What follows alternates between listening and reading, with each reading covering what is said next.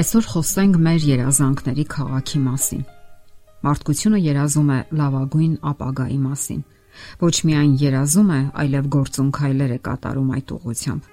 Նրանցից մեկը ամերիկացի Ժան Ֆրեսկոն է։ Նա հայտնի է որպես յուրատեսակ մտածողությամբ անznավորություն, ապագայի մասին իր գաղափարներով ու ծրագրերով, որոնք փորձում էր կյանքի կոչել։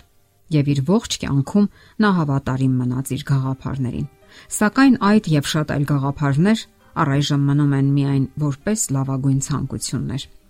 Այդ լավագույն ցանկությունների ու երազանքների կողքին մենք տեսնում ենք մեկ այլ իրականություն։ Մարդկությունը շունչ չի քաշում պատերազմներից ու ավերածություններից։ Խաղակներ հառնելու փոխարեն ռումբերի տակ ոչնչացվում են խաղակները, խլվում են մարդկային կյանքերը եւ ապագայի մասին հույսերն ու լավագույն ծրագրերը մնում են թղթերի վրա։ Սակայն մյուս կողմից մարդկությունը անհուսության մեջ չէ։ Կա երազանքների քաղաք։ Այդ քաղաքը Նոր Երուսաղեմն է։ Նրա մասին խոսում է Աստվածաշունչը եւ հատկապես նրա վերջին գիրքը հայտնությունը։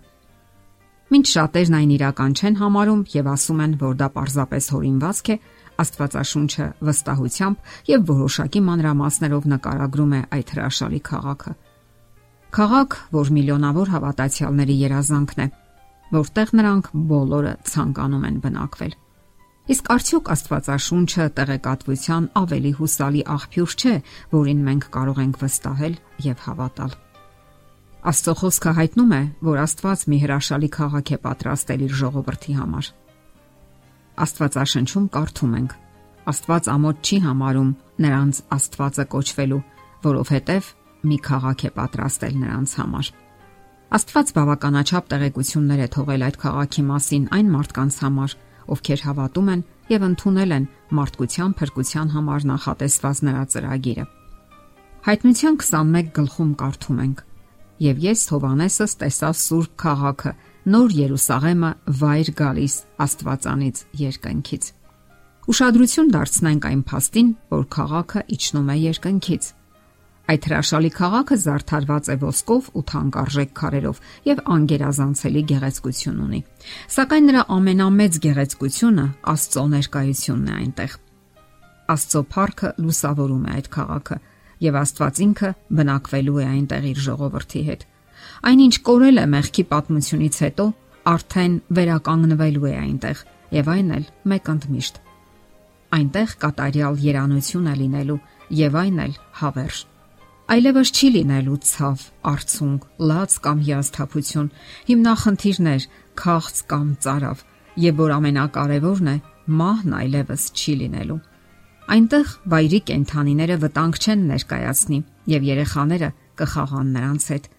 Երկնային Երուսաղեմի յուրաքանչյուր բնակիչ ունենալու է ֆիզիկական գերազանց առողջություն։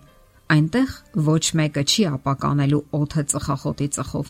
Ոչ մի անմակրություն չի ապականի քաղաքի գեղեցիկ փողոցները։ Մենք վայելելու ենք նորանոր հանդիպումների հաճույքը, հանդիպելու ենք նորանոր մարդկանց եւ շփվելու ենք նրանց հետ, ճանապարհորդելու ենք եւ ծանոթանալու ենք Աստծո արարչագործությանը, հիանալու ենք դրանցով եւ երբեք չենք հոգնելու։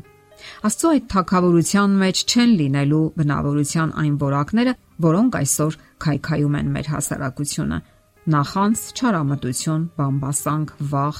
ատելություն, կեղծիք ու խափեություն։ Մարդիկ վախով չեն մտածելու եւ չեն տագնապելու կենսական հիմնախնդիրներից։ Չեն լինելու պատերազմներ եւ նյարդային ցնցումներ։ Կվերանա նաեւ ժամանակը եւ դա կկոչվի հավիտենություն։ Իսկ երկրային կյանքի լարված ու կատաղի տեմպը մեկ ընդմիշտ կվերանա։ Եվ այս ամենով հանդերձ մեր մարդկային սահմանափակ միտքը ի վիճակի չէ մինչև վերջ հասկանալու եւ ընկալելու այն ամենը, ինչ Աստված պատրաստել է իր ժողովրդի համար։ Պողոս Արաքյալը գրում է. Ինչ որ աչքը չտեսավ եւ ականջը չլսեց եւ մարդու սիրտը չընկավ, այն պատրաստեց Աստված իրեն սիրողների համար։ Իսկ ինչպես հայտնվել այդ հրաշալի քաղաքում։ Աստծո ողորմության շնորհիվ մենք հրաշալի գիտենք եւ ճանաչում ենք նրան, ով պատրաստել է հավերժական քաղաքը տանող ճանապարհը եւ ով ինքը ճանապարհն է։ Աստվածաշնչում այդ մասին կարդում ենք. Իմ հոր տանը շատ բնակարաններ կան։ գնում եմ ձեզ համար տեղ պատրաստեմ, եւ եթե գնամ եւ ձեզ համար տեղ պատրաստեմ, դարձյալ կգամ եւ ձեզ ինձ մոտ կառնեմ, որ ուր ես եմ, դուք էլ լինեք։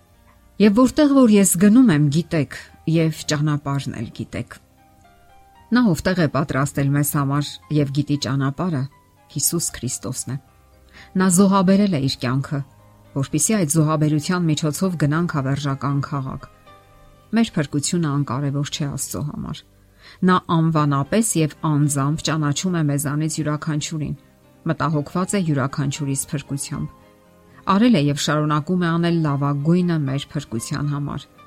Ողջ երկինքն է անհամբեր հետևում փրկագնման ծրագրի իրականացմանը։ Աստված անսահման ողորմած է իր ստեղծած յուրաքանչյուր զավակի հանդեպ եւ շարունակում է բաց պահել ողորմության դռները։ Նա շարունակում է մեղմ բախել մեզանից ամեն մեկի սրտի դուռը եւ առաջարկում է իր ներկայությունն ու մուտքը։ Ահա փրկության ճանապարհը Ահա հավերժական քաղաք նոր Երուսաղեմ տանող ուղին։ Այդ ուղին Քրիստոսն է։ Աստծո խոսքը հավաստիացնում է։ Որդուն հավատացողը հավիտենական կյանք ունի, իսկ որդուն չհնազանդվողը կյանքը չի տեսնի, այլ Աստծո բարկությունը մնում է նրա վրա։ Իսկ դուք parzեք ձեզ համար պատրաստ եք արդյոք ընդունել Հիսուս Քրիստոսին եւ նրա առաջարկած փրկությունը ապրել այդ հրաշալի հավերժական քաղաքում,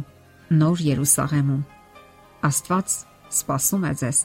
Նրա համար կարևոր է յուրաքանչյուրի սփրկությունը։ Նա հորդորում է, որ չանտեսենք եւ ամենայն լրջությամբ մոտենանք իր կոչին։ Ընթունելով Աստվածային կոչն ու հորդորը, մենք կդառնանք հավերժական քաղաքի բնակիչ։ Կվայելենք Աստծո ներկայությունն ու շատ փրկվածների հետ հավերժ ապրելու բավականությունը։ Երազանքների քաղաքը սпасում է իր բնակիչներին։ Եթե ցանկանում եք լինել նրա բնակիչներից մեկը, հենց այսօր կայացրեք ձեր որոշումը։ Եթերում է ղողանջ հավերժության հաղորդաշարը։ Ձեզ հետ է Գեղեցիկ Մարտիրոսյանը։ Հարցերի եւ առաջարկությունների համար զանգահարել 033 87 87 87 հեռախոսահամարով։